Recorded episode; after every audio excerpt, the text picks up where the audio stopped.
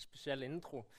Um, jeg tror Gud ga meg det, denne, det hornet i går og de versene fra Joel. Jeg tror Gud kalte på meg. Jeg tror han kaller på oss. Vi skal inn i bønn- og fasteveke. Jeg tror han kaller oss til å søke Han i bønn og faste. Jeg tror han kaller oss til å leve et hellig liv. Jeg tror han kaller oss til å følge Han, som vi har begynt på i denne serien med å følge etter Jesus. Uh, og gjør det han sier, hører hva han sier, og gjøre det. Um, og hvis jeg har en dårlig dag, så vet jeg hvor jeg skal gå. Da er det Inger, først Jesus, og så er jeg ofte gjennom Inger. For folk som kan oppmuntre så mye trengs. Og Hvis jeg kan få tilgang til den mappa med alt lure jeg har sagt, så tror jeg jeg trenger det òg. En trøst i nøden av og til, for det hørtes uh, veldig kjekt ut. Men uh, takk for oppmuntringen, Inger. Uh, vi kom til bakpreika, begynner i kapittel 5, den talen som Jesus hadde. En av de. Eh, vi skal lese fra Jeg begynner i vers 21. Men før vi begynner Jeg tenkte jeg måtte pirke litt i dette. Ett år med Jesus tenkte denne komiteen hva, De andre årene, da? Hva det jeg går i? Men, men jeg tror, Det var den første responsen min. Men så, det vi vil fram til her, er jo Vi snakker om mange ting, og det er mange ting i denne boka. Men hva gjorde Jesus når han var her? Og hva sa han? Det er det vi vil ha tak på. Og, og Det er akkurat som det av og til forsvinner. med Mye ting rundt. Men rabbien, hva gjorde han, og hva sa han? Hva skal vi gjøre? Ett år med Jesus. Så i den betydningen. Eh, og så en ting til. Jeg, vi skal inn nå i Magnar snakket sist om at loven, de fem Mosebøkene, er ikke ei lang rekke med lover. Det inneholder lover, men det er ikke bare lover. Det er læring, undervisning. Betyr Toraen. Samme måte med Jesus. Nå har Jesus begynt en tale som inneholder bud. Ting vi skal gjøre, ikke gjøre. Bud, regler, lover, kall det hva du vil. Men det er ikke bare det. Det inneholder det, men det er mange ting. Og så Før vi begynner på, på en, sånn en tale eh, som Jesus har, de tingene han snakker om, så er det litt sånn Hvor, hvor starter vi henne? Der er, jeg snakker med mange forskjellige folk, leser litt forskjellige ting. Noen tenker at det Jesus snakker om i denne talen, er et ideal. Ingen kan leve av dette. Det vet vi jo. Det er bare et ideal. Det er sånn, I beste fall Vi, har noe å strekke oss mot, som selvfølgelig er altfor langt vekke, men vi strekker oss mot det. Så du avskriver det litt, eller du prøver litt hardt. Alt etter hvilken form du er i den dagen. Eller så tenker du at ja, her, det er mye vanskelig her òg. Vi vet jo det, det er vanskelig å følge Jesus. og det er hardt og vanskelig. Vi får bare prøve. Det er ikke så mye man kan gjøre. Prøv så godt vi kan, så, så er det det vi har. Eller så bare avfeier vi alt og sier at dette, Jeg tror ikke Jesus mente det akkurat sånn. for Jeg kjenner Jesus som en mild og god, og han er sånn. og han, er, han gir, beskriver hvordan vi kjenner Jesus. Tenker, jeg tror ikke han mente det helt sånn. Mer, han sa jo vi skulle elske, og det er bare det. Nåde. Han ga oss nåde. Vi har fått nåde. Han elsker oss. Vi tror på han. Alle henger seg opp i alle sånne ting vi skal gjøre. Jeg tror ikke det er så konstruktivt. Jeg tror ikke det Jesus mente akkurat sånn. Som er ganske ambisiøst å gjøre når vi snakker om den rabbien Det var flere på den tida, men den rabbien som uten tvil forandrer verdenshistorien mer enn noen andre mennesker. Selv 2000 år seinere påvirker det mer enn noen gang. Og han snakker veldig spesifikt. Og veldig mange folk, millioner av folk, har prøvd ut og handla på det i mange, mange år. Ingenting nytt. Dette er ikke noe som kom ned nå. Hvordan skal vi forholde oss til dette? Dette er modellert i hundrevis av år. Et par tusen år er det modellert. Folk som lever det. Og de gjorde det rabbien gjorde. De ble som sin mester. Det er det han vil kalle oss til. Ikke å lære av han, ikke få litt innsikt, ikke litt inspirasjon, ikke litt oppmuntring bare, men vi skal bli som han.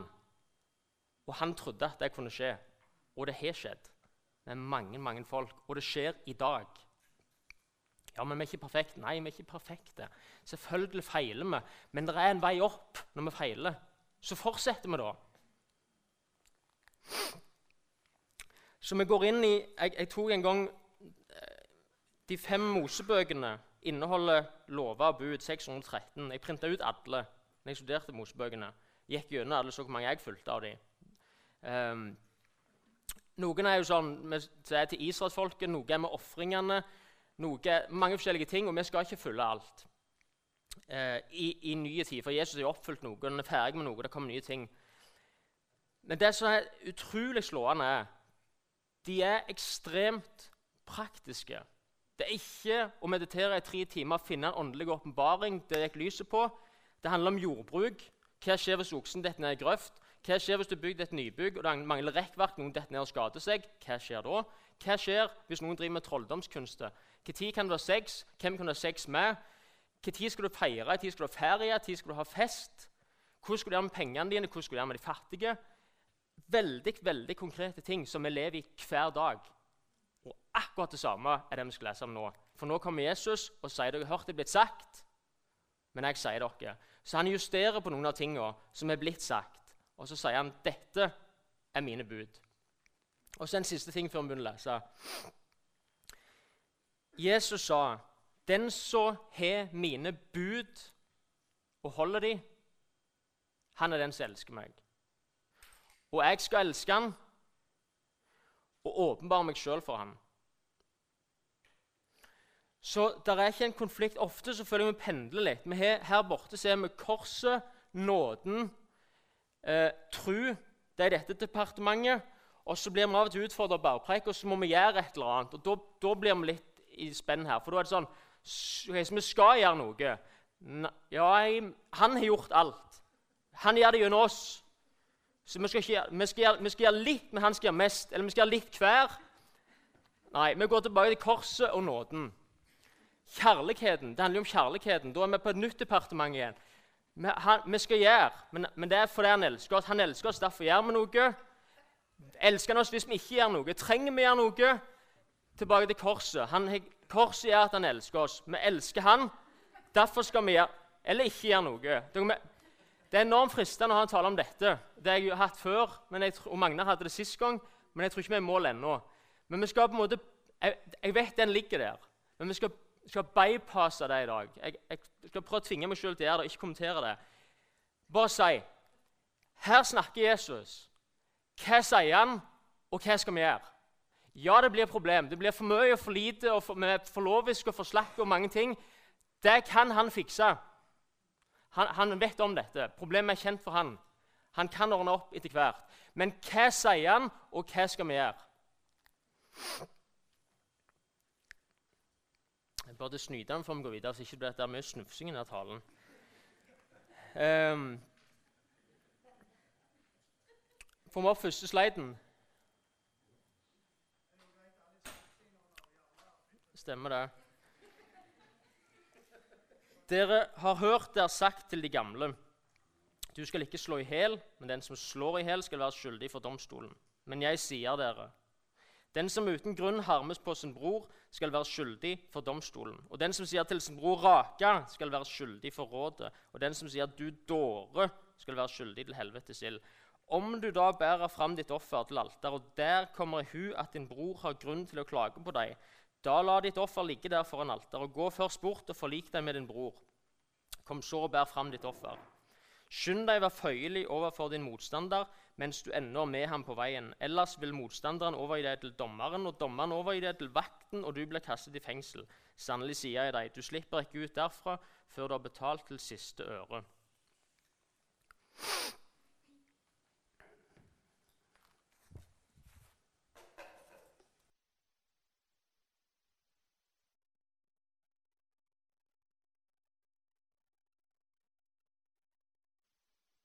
Er bare glad jeg fortsetter i det Og ikke Børge på snytinga. Eh, det var en interne for de som ikke kjenner de to, men det er greit. Det var for fristende. Eh, sinne. Noen som er bekjent med det?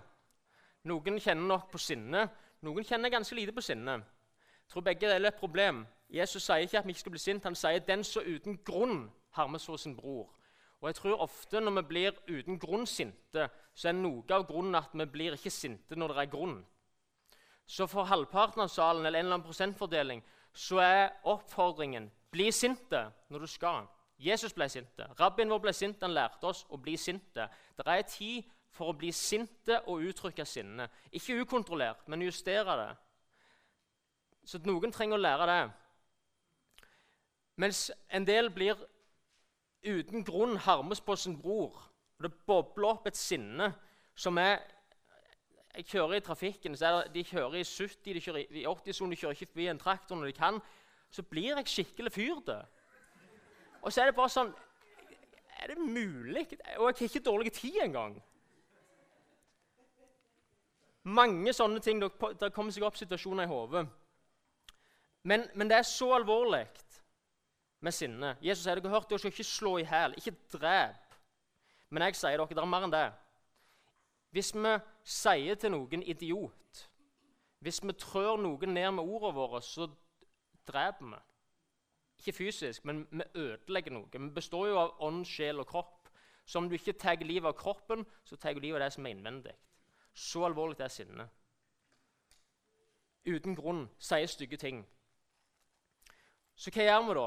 Hvis vi har gjort det, Når vi har gjort det Det er ikke sikkert det er et ukontrollert voldsomt sinne. Det kan være bare stygge ting, frekke kommentarer, vanskelige, ubarmhjertige Mange ting vi gjør. Så hvis du kommer fram til alteret Nå holder du ikke på med det lenger, for Jesus har ofra ferdig. Det er ikke et alter å bære noe fram til. Men vi kommer her med lovprisningsoffer, som vi kaller det for. Vi synger til Herren. Hvis vi kommer inn her, eller hvis vi i neste bolk, når vi skal synge lovsang igjen hvis du da husker på at noen har noe imot deg, så parker mikrofonen for de som er her framme, gitaren. Lukk igjen munnen og gå ned og snakk med kona. Eller ring til den du trenger å ringe til. Eller ordn opp fortest mulig. Det haster så mye at når du bærer lammet som de gjorde, fram til alteret, så bare la, alter, la lammet ligge framføre og gå og ordne opp, og så kom tilbake og ofre. Så mye haster det så er det noen ting som ikke er så lett å ordne. Sånn, og så er Det noe, det vet vi. Men, men så viktig er det for Jesus. Bli, sunt, men, bli sint, men synd ikke. La ikke solen gå ned over deres vrede. Ikke la det få tak.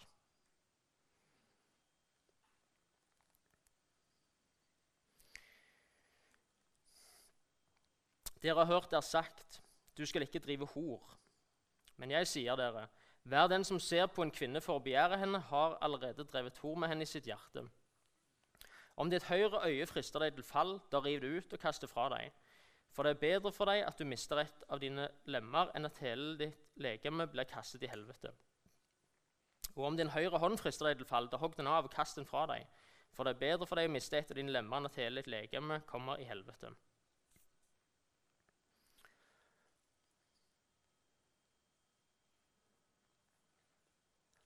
Hoppet litt langt nå, tror jeg. Vi fortsetter bare, egentlig. Men vi, jeg tror vi hoppet over noen slider nå. Men dette var fra vers til vers 30. Ja, Vi kan ta resten av det, da. Det er sagt den som skiller seg fra sin hustru, skal gi henne skilsmissebrev. Men jeg sier dere, hver den som skiller seg fra sin hustru av noen annen grunn enn hor, er årsak til at hun driver hor. Og den som gifter seg med en fraskilt kvinne, driver hor.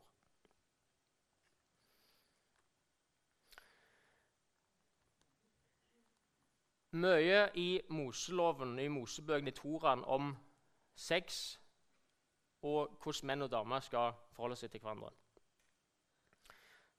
Så det har de hørt. Ikke driv hor. Men så sier han den som ser på ei kvinne for å begjære henne, allerede begått hor. Når jeg var 18, 17, 18, 19, da begynte Gud å jobbe med meg. Jeg trodde jo på han før det, men da begynte han å få tak på meg. Da forsto jeg at han var rabbien, mesteren, og jeg var hans disippel, og jeg ville følge han. Det begynte å skje da. Og da En av tingene som skjedde ganske tidlig, var at jeg tror Gud gjorde sånn at uh, det kom ei bok inn i livet mitt som heter 'Every Young Man's Battle'. Den boka handler om unge gutter som blir menn, som begynner å få lyst på sex og begynner å eh, bli fristet til å se på porno. Og hvordan skal vi leve nær til Jesus i dette? Det gjorde et enormt inntrykk på meg. Så den, han snakker om i boka, er at han, han refererer til et vers i Jobb av alle ting. Jobb kapittel 31, der står det i vers 1. Jobb kapittel 31, vers 1. En pakt hadde jeg gjort med mine øyne, at jeg ikke skulle se på en jomfru. Jobb blir trukket fram i Bibelen som en rettferdig. Jobb var en rettferdig mann. Han gjorde en pakt, en avtale, en pakt med sine øyne om aldri å se på en jomfru. Så er det nok eh, hva hebraisk og gresk og hvordan ordet betyr. et eller annet. Det betyr nok sannsynligvis ikke at han aldri kunne se. Altså Han måtte gå med bind fra øynene. Det blir vanskelig. Men han skulle ikke se på ei jomfru. Og så sier han forfatteren av boka så en teknikk som han hadde brukt, var å bounce the eyes, altså øynene. La øynene sprette. Så hvis du ser ser ei jomfru, det er på stranden og du begynner å fantasere, eller når du går ned ei gate på sommeren, eller det er på telefonen, eller det er når du scroller gjennom Nettavisen eller Dagbladet eller VG, det kommer en annonse, så la øynene sprette. Med en gang øynene finner det, la de sprette vekk. Så du leser, og så flytter du bare øynene med en gang. Automatisk. Det begynte jeg å trene meg på. Og det funker, og det funker fortsatt. Så det er ikke alltid det går, men ofte går det. Ofte, Det sitter i ryggmargen min nå, så jeg flytter blikket med en gang. Prøver på det. Og det har jeg spredd alle jeg kjenner. Senest for to dager siden 15-åringer på Klepp. Og det kule var, når jeg snakket med dem om dette, så sa de ja, det er jo, Alle ser jo på porno. Det er helt vanlig. De snakker om det i klassen, og etter timen er ferdig, så sier de skal jeg vise deg dette jeg forteller dem. liksom. Det, det, det, er ikke så vel, det, det er ikke noen høye skuldre for dette er merkelig. Alle er der. Og nå kan du se på ei kvinne for begjærende på skjerm. Alltid. Du trenger ikke finne ei. Det er alltid ei kvinne å begjære på en skjerm. Og så er dette ei kvinne, men nå viser statistikken på porno at dette er jo ikke bare et manneproblem lenger. Det er jo et, en enorm prosentandel damer som ser på porno. Så dette med å begjære gjennom øynene så sier, så sier de liksom, ja, men hvordan, gjør dere liksom, Forteller litt om at sine kamper rundt dette.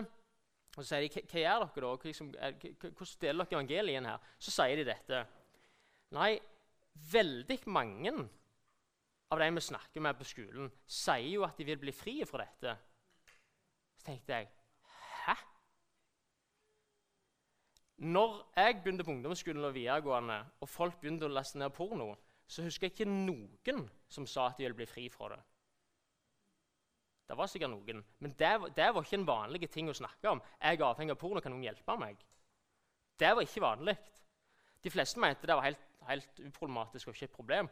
Kanskje er det bikt det er gått så langt nå at siden du alltid har det Vi måtte jo inn på en gammel PC to-tre kvarter og starte den. Da kunne du gått og gå i middag etterpå uansett. Og så måtte du ha en diskett, og så måtte du laste ned. Og hvis du skulle på Internett, så, så var det jo sånn Bare få det bildet ned fra Internett var jo sånn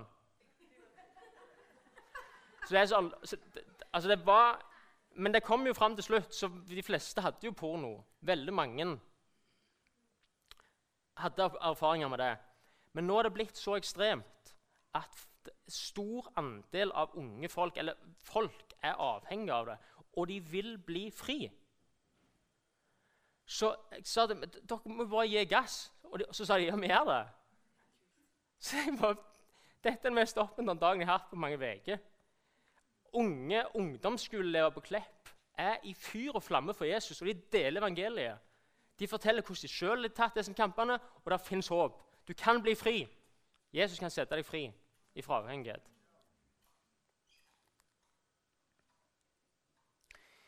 Og hvis ditt høyre øye frister deg til fall, hvis du har lyst til å se porno, så riv ut øyet. Jesus sier jo også at hvis du ikke hater meg den som følger meg og ikke hater sin far og sin mor og sine unger, han kan ikke følge meg. Så sier han jo at vi skal elske mor og far. Så det betyr ikke hate, men i forhold. Den hebraiske måten, den overdrivelse.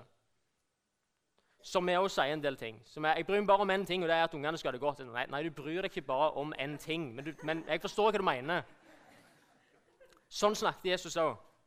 Så han vet, jo, Det hjelper ikke å rive ut øynene. kan jo synde med ut. De som ikke øyne, synder jo òg. Så det hjelper jo ikke å kutte av fingrene. Men Men det er så viktig at være villig til å gjøre hva som helst. Jeg har snakket med folk som sliter med porno. Så sier jeg nei, skjerm, jeg har jo skjerm hele tiden. Leser lett mobil, sånn, sånn. Ja, men Kjøp en dum telefon som ikke er skjerm på. Ja, Men det er så upraktisk. For jeg har jo spånd der, og de greier mailer på jobb og et eller annet. Upraktisk. Upraktisk er ikke viktig. Selvfølgelig er det upraktisk. Det er mye verre at du ødelegger deg sjøl og kan gå fortapt. Så hiv telefonen, da. PC-en, TV-en, hva, hva, det skal være. Au, hiv på det ut. Hvis det skal til. Gjør det som må til.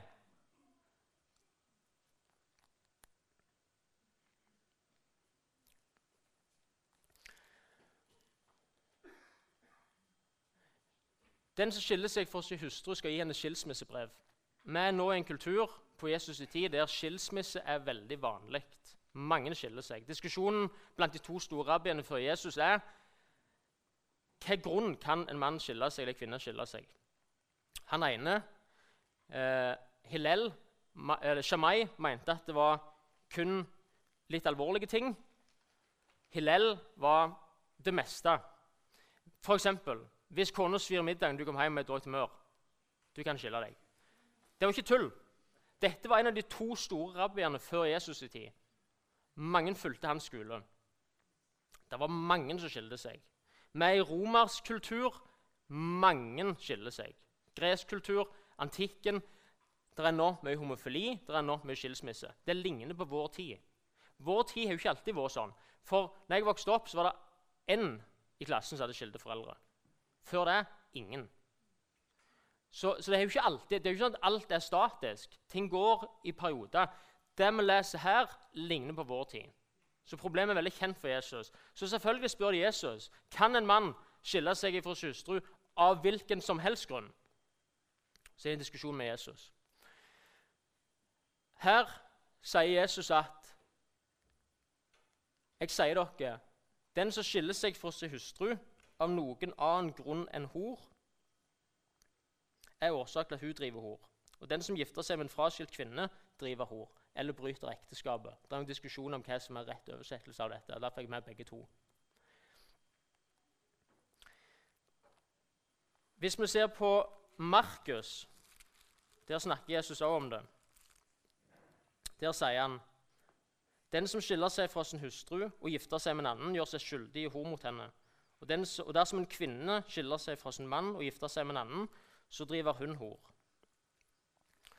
er vi Lukas 16. Hver den som skiller seg fra sin hustru og gifter seg med en annen, driver hor. Og den som gifter seg med en kvinne som er skilt fra sin mann, driver hor. 1. Korinterne 7. Til dem som er gift, har jeg dette bud, ikke fra meg selv, men fra Herren. En kvinne skal ikke skille seg fra sin mann. Men er hun skilt fra ham, skal hun enten fortsette å leve ugift eller forlike seg med mannen. Og en mann skal ikke skille seg fra sin hustru. En hustru er bundet så lenge hennes mann lever, men om hennes mann er død, da har hun frihet til å gifte seg med hvem hun vil, bare det skjer i Herren. Det er det, og alt er Jesus sine ord. Til og med Paulus sier han jeg har disse bud ikke for meg sjøl, men for Herren. Så Jesus er tydelig inn i en kultur der det er vanlig med skilsmisse, og sier at den som skiller seg fra sin hustru, driver horbo i det ekteskapet. Og den som gifter seg med en fraskilt mann eller kvinne, driver hor eller bryter ekteskapet. Og Nå begynner det å boble inni oss. Hvis vi starter bakpreika med at 'jeg vil være min sjef' Jeg kan dra det ganske langt, men på ett punkt så må det tross alt litt fornuft til eller da må jeg ta hensyn til mine, eller da må jeg ta hensyn til et eller annet, så blir dette kjempevanskelig. Men dette er ord ifra vår rabbi, han som vet best. Og det er det samme departementet som her borte, med nåde, tru. Og det er det samme som her borte, med kjærlighet. Han er ikke sånn at han er glad i oss, men så plutselig kommer han på oss og sier noen ting som er sånn helt uten kjærlighet. Dette er det beste for oss.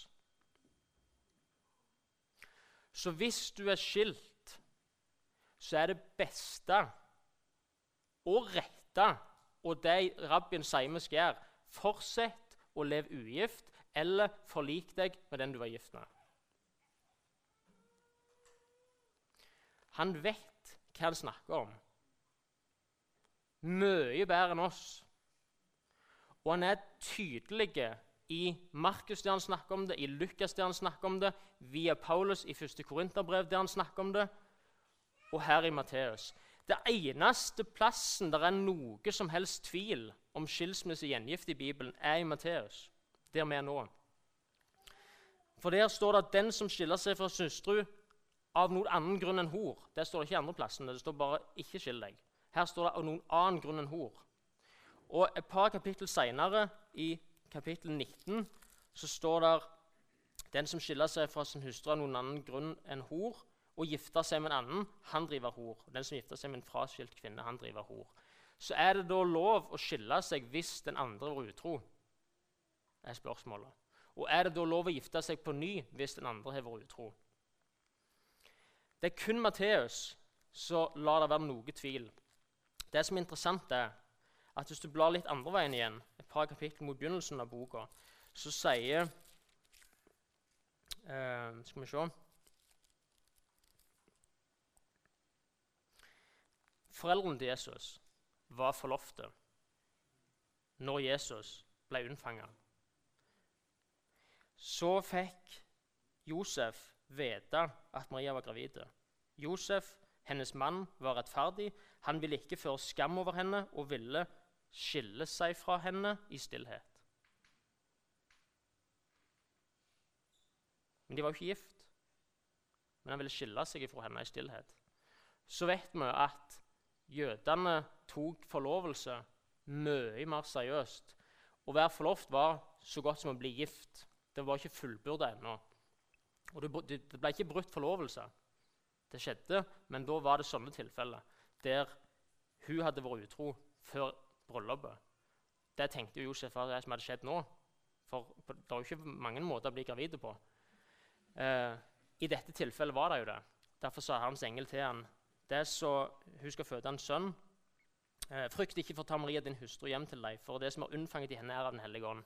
Så gjorde han det. Han tok Herrens ord på det. Men jødene forholdt seg helt annerledes til forlovelse. Og Det ser du også i vårt forhold til Jesus. For Paulus sier 'Jeg har forlovt dere med Kristus'. Så vi er også forlovt med Jesus. Og det er ikke en sånn en 'vi får se hvordan det går, kanskje gifter vi oss til slutt'. Vi er jo ett med Jesus, men ikke helt. Vi er jo i sammen med han. Han elsker oss, men ikke, det er ikke fullbyrd bryllup ikke vårt ennå. Men det er ikke sånn at han vurderer kanskje blir noe, kanskje blir det ikke. Kanskje du kan sjekke om det er noe. Vi følger han. Det kan bli avbrutt. Men det blir ikke avbrutt fordi du har en dårlig dag, eller fordi du gjør noe feil, eller fordi du bommer litt. Det er ikke sånn at det røyk det. Men hvis det er alvorlige brudd, hvis du snur deg vekk fra Jesus, så kan det til slutt forlovelsen med Jesus bli brutt, og vi blir ikke gift med han til slutt. Men det skjer ikke plutselig. Det skjer heller ikke med jødene i mann-kvinne-forhold. Ellers er Jesus og Bibelen kanontydelige på at det er ingen grunn for å skille seg og ingen åpning for å gifte seg på ny. Så hvis det er sånn at Matteus er skrevet spesielt til jødene Det er skrevet til alle, men det er skrevet spesielt til jødene. Magnar nevnte sist gang at det står ikke Guds rike, det står himlenes rike. For de er enormt redde for å misbruke Guds navn. Og Det er ti sånne argument til som sier noe om at dette er skrevet spesielt til jødene. Det er jød, alt er bygd opp rundt et jødisk forståelse så gir det helt mening å si at hvis en mann skiller seg fra sin hustru av noen annen grunn enn hor, og gifter seg med en annen. Men dette er vanskelig. Akkurat den er vanskelig. Du må vite litt om jødisk kultur for at det skal gå. Men det er bare påfallende at de andre er så kategoriske. For hor er jo ikke så uvanlig. Utroskap er jo ikke så uvanlig, verken da eller nå. Så hvis det var sånn at det var helt greit å skille seg hvis det var hor, og helt greit å gifte seg på ny hvis det var hor, så er det løye at en ikke sier noen ting om det. Ingenting i Markus, ingenting i Lukas, ingenting i 1. Korinterbrev. Helt kategorisk. Jeg tror jeg stopper der.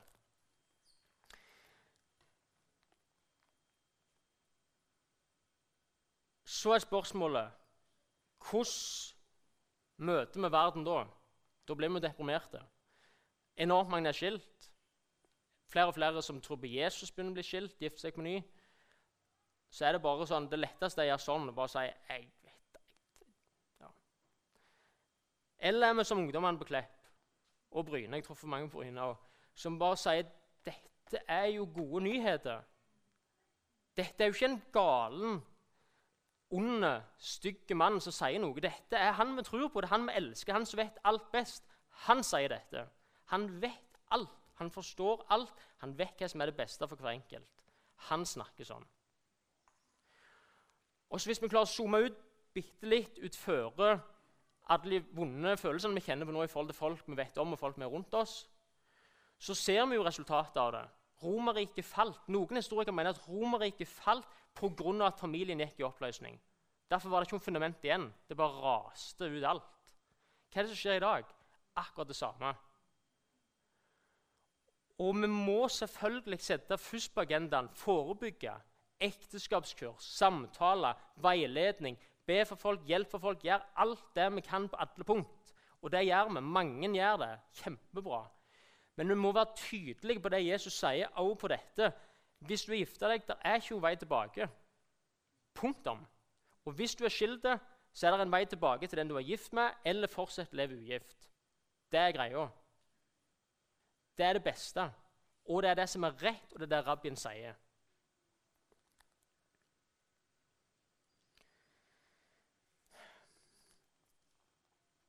Jeg vet ikke, klar, Klarer vi å komme videre fra den? Eller sitter det for mye i magen nå? Herre, vi vet ikke, men ber Jesus om at ber, Vi har våre ord, med våre tanker, med våre følelser. Vi ber om at ditt ord som er levende og kraftigere og skarpere noe tveegget sverd, det ber vi dem å trenge gjennom inn i oss og dømme hjertets tanker og råd. Kløyve ledd og mag, sjel og ånd og dømme hjertets tanker og råd. Vi, vi, vi trenger deg, Jesus.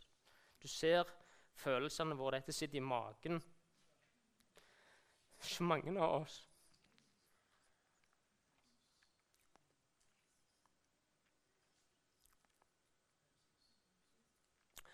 Herre, vi stoler på deg. Du er vår mester, du er vår Herre.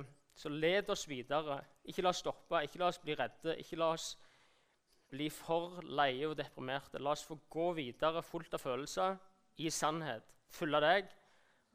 Stå på ditt ord, gå på ditt ord. Du vet best, Herre. Du har greia på dette. Du greier på alt. Du vet alt. Vi stoler på deg. Du er vår mester, du er vår Herre. Vi ber om deg, Jesus.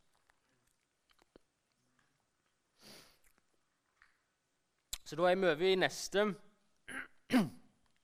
Likeså har dere hørt det sagt til de gamle, du skal ikke sverge falsk ed, men holde for Herren de eder du har avlagt. Det er det vi sier når vi gifter oss. Jeg lover å elske og ære fram til døden skiller oss ad. Men jeg sier dere, dere skal i det hele ikke sverge, verken ved himmelen, for den er Guds trone. Jeg er vers 34, 34 Miriam.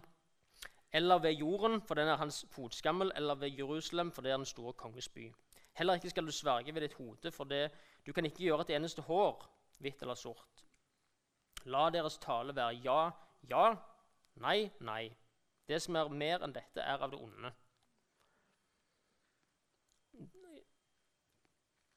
Vi skal ikke love ting veldig. Sverge, skjære oss til blods og gjøre en blodspakt med noen. eller all slags avtaler, men, men hold oss til det vi har sagt. Hvis du vil lovt noe som sagt ja, så la det være ja. Enormt praktisk. Dette skjer hver dag. Møt med ungene, møt med ektefellen, møt på jobb. møt med all slags ting. Så kommer noen skvis av det der jeg har sagt ja to ganger til to forskjellige ting, og de krasjer. Hva gjør du da? Da er det et problem. Da kan vi bare si jeg beklager, jeg kan ikke komme i morgen, for jeg er dobbeltbooka. Da tar du ikke ansvar for at du er et problem. Men du kan si jeg sa ja til deg, Eh, og jeg har glemt det. Og nå har jeg sagt ja til noe annet òg, og de to tingene skjer på likt. Jeg sliter. Går det an? Kan, Jeg har veldig lyst til å holde det jeg har. Kan, går det an å flytte det? Kan vi ta det seinere? Noen ting er jo lett å flytte. det er ikke det.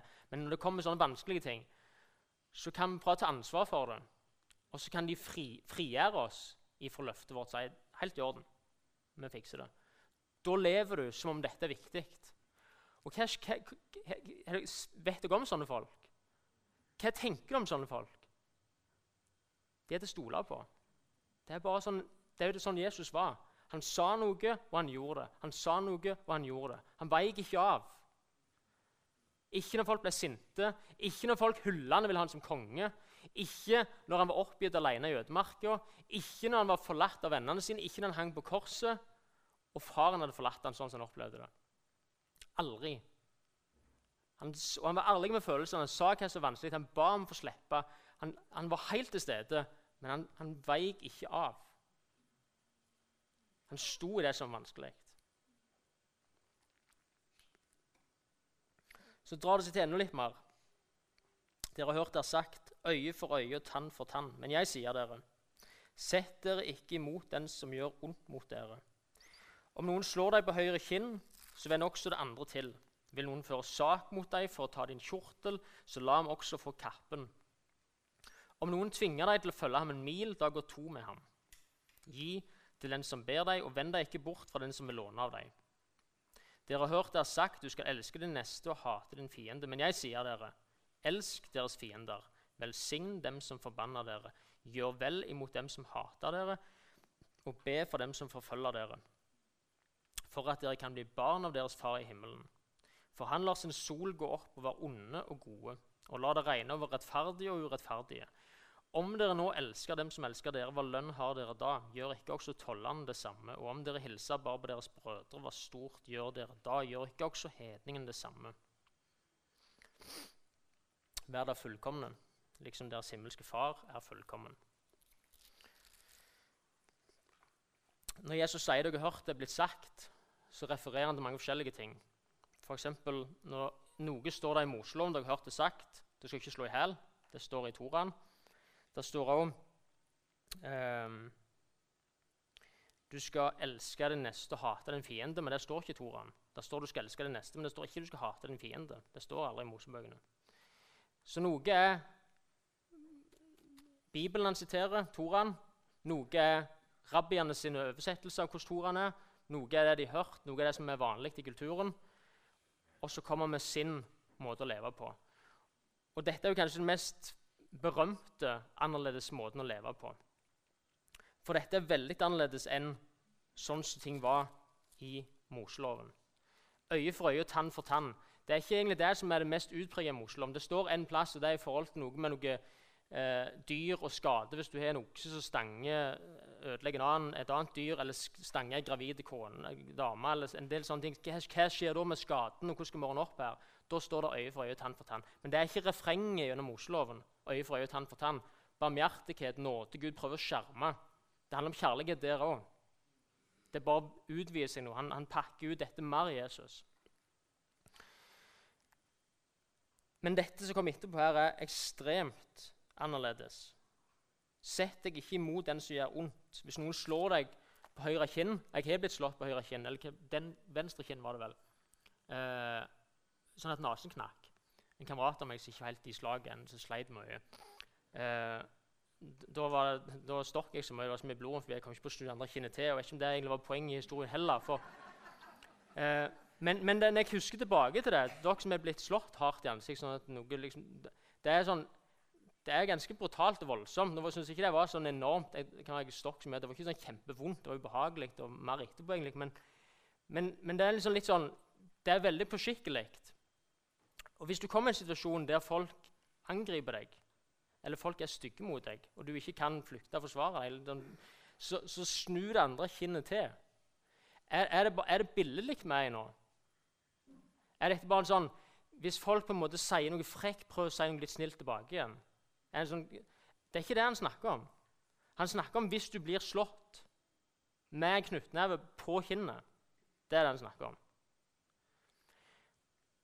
Og hvorfor sier han det? Dette er ikke bare her han sier det. I Romerne står det at 'hevn dere ikke sjøl, mine kjære, men overlat hevnet til Herren'. Overvinn det onde med det gode. Det er ikke fordi vi skal være dørmatta. så noen slår oss, og vi bare, bare slår meg mer.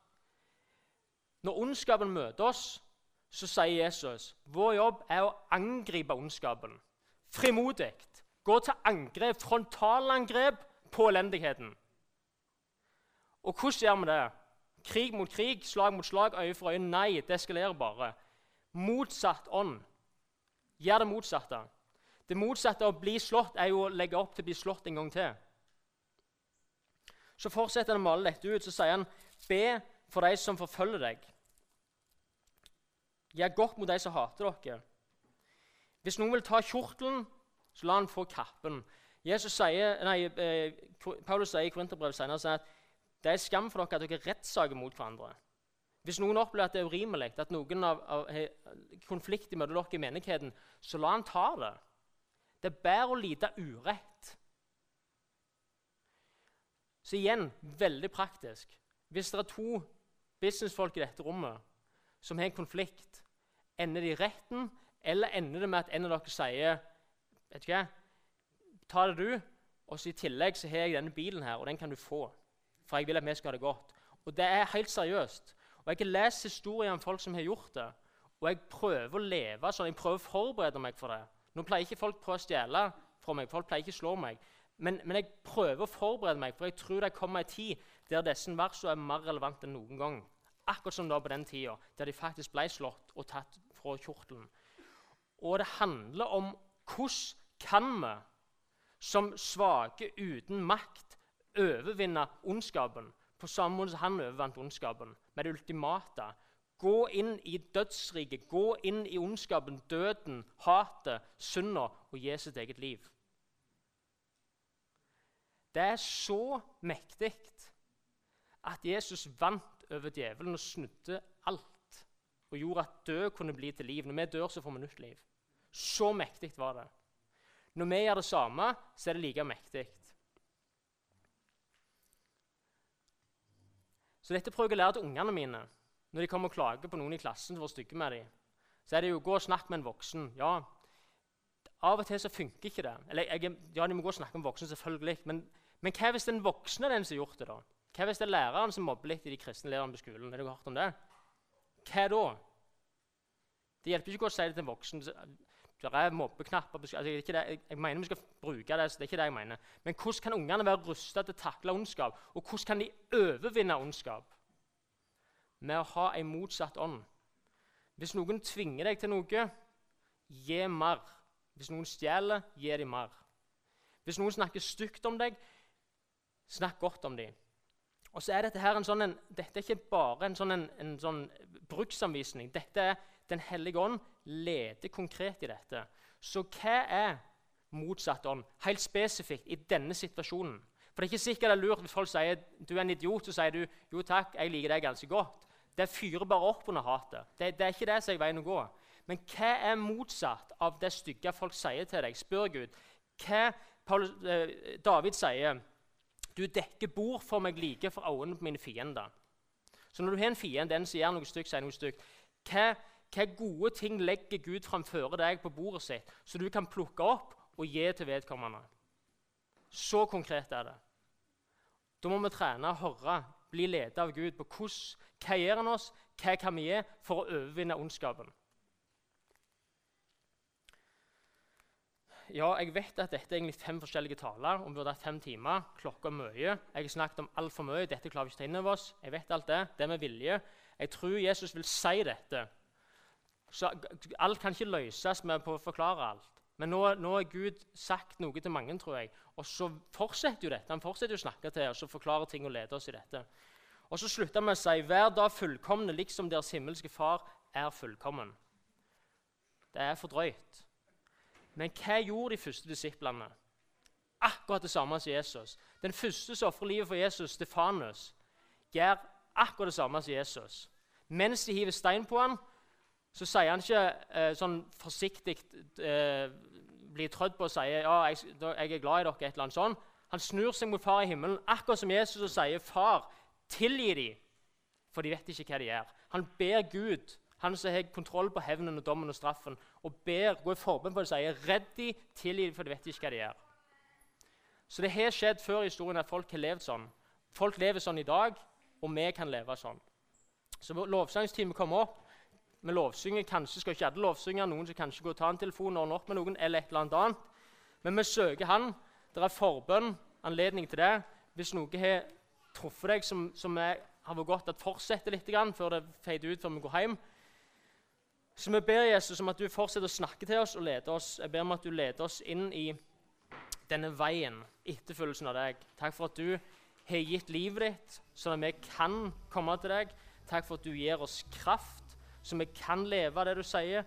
Takk for at du gir oss innsikt og visdom, som vet hvordan vi skal overvinne det onde. Takk for at du gir oss alt. Du er den som leder oss. Vi er helt avhengig av deg. Men vi vil ikke si vi er vår egen sjef. Vi vil si du er vår sjef, du er vår herre, du er vår mester, og vi vil følge deg, Herre. Amen.